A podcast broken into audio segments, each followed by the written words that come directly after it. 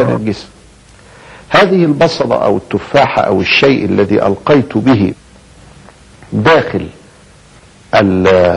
الخمر لأخللها متعجلا ومستعجلا يكر عليها بالنجاسة فيصبح الخل متنجسا.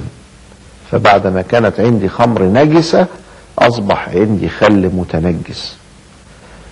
من تعجل الشيء قبل أوانه عوقب بحرمانه ولأجل ذلك لا يستطيع أن يستعمل هذا الخل الذي هو متنجس وإن لم يكن نجسا لأنه طهر إلا أنه قد تنجس بما قد أوقعته فيه من شيء. كذلك أخذوا القاعدة فوجدوا أن الرجل إذا لم يكن هناك وفاق بينه وبين زوجته وهو في مرض الموت المرض الذي اتصل فمات فيه.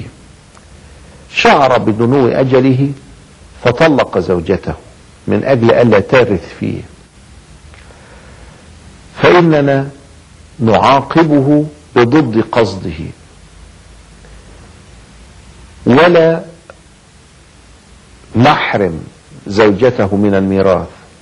بل نجعلها ترث هذا الميراث لأنها في الحقيقة قد وقعت في يد شخص تعجل الشيء قبل أوانه فينبغي أن, يحار أن, أن يعاقب بحرمانه بحرمانه من مقصده. هو أراد أن نمنع عنها الميراث.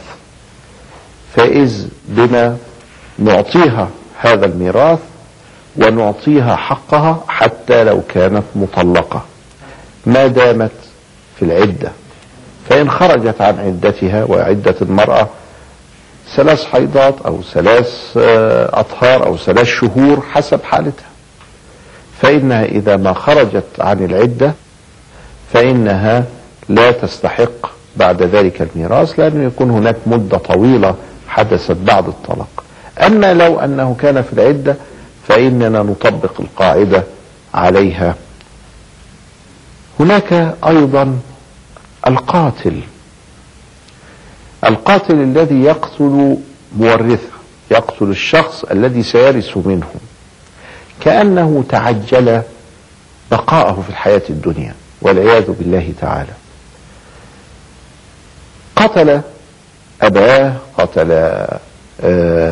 عمه الذي يرثه قتل جده قتل أي شخص يرثه. فإننا نحرمه من الميراث. ويمنع الشخص من الميراث واحدة من علل ثلاث قتل ورق واختلاف دين. فافهم فليس الشك كاليقين. فهذه الثلاثة تمنع الميراث.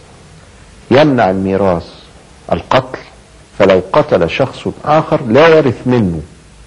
ويمنع الميراث الرق والرق لا يوجد في الأرض الآن. ويمنع الميراث أيضا اختلاف الدين. فلو أن شخصا أسلم ودخل دين الإسلام فنحن لا نريد منهم إلا هذا الشخص لا نريد أموالهم. ومن أجل ذلك حرم رسول الله صلى الله عليه وسلم التوارث بين أهل ملتين. فما دام قد دخل الإسلام فإنه لا يرث عن أبيه شيئا.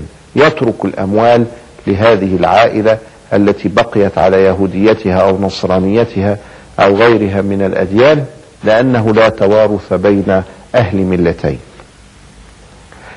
لا نريد إلا الدعوة لا نريد إلا قضية الله في وجوده الله في أوامره ونواهيه.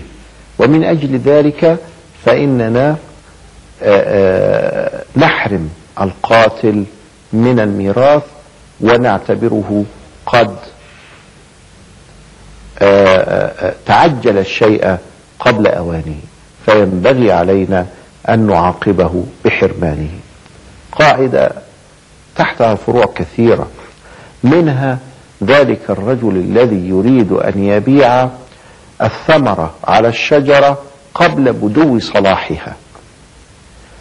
فيبيعها للتاجر. وقد نهى رسول الله صلى الله عليه وسلم عن هذا لما فيه من غرر. فإن فعل أحد من الناس هذا أبطلنا عقده. وقلنا له إن هذا العقد عقد باطل لأنك قد بعت وتعجلت في البيع قبل ظهور بدو صلاح الثمرة. وبدو الصلاح إنما يكون باصفرارها أو احمرارها تخرج من دور عدم النضج إلى دور النضج الذي تثبت معه الثمرة في الشجر. هذه هذا الفرع الأخير هو الذي عليه جمهور الأمة وهو يسبب كثيرا من المشكلات للناس خاصة في بيع الجناين وبيع ما عليها من ثمر. يقول شيخ الإسلام ابن تيمية أنه يجوز تأجير الشجر إذا يجوز أن نؤجر الشجر بعقد إيجار وليس بعقد بيع وهذا الإيجار يستطيع المستأجر اللي هو التاجر بتاع الفاكهة إنه يأخذ هذه الثمرات في ظل عقد الإيجار وفي مقابل ما يسمى بالإيجار ليس تحت عنوان البيع والشراء وله كلام واسع في هذا ينبغي أن نقول به لرفع الحرج عن الناس وإلى لقاء قريب. السلام عليكم ورحمة الله وبركاته.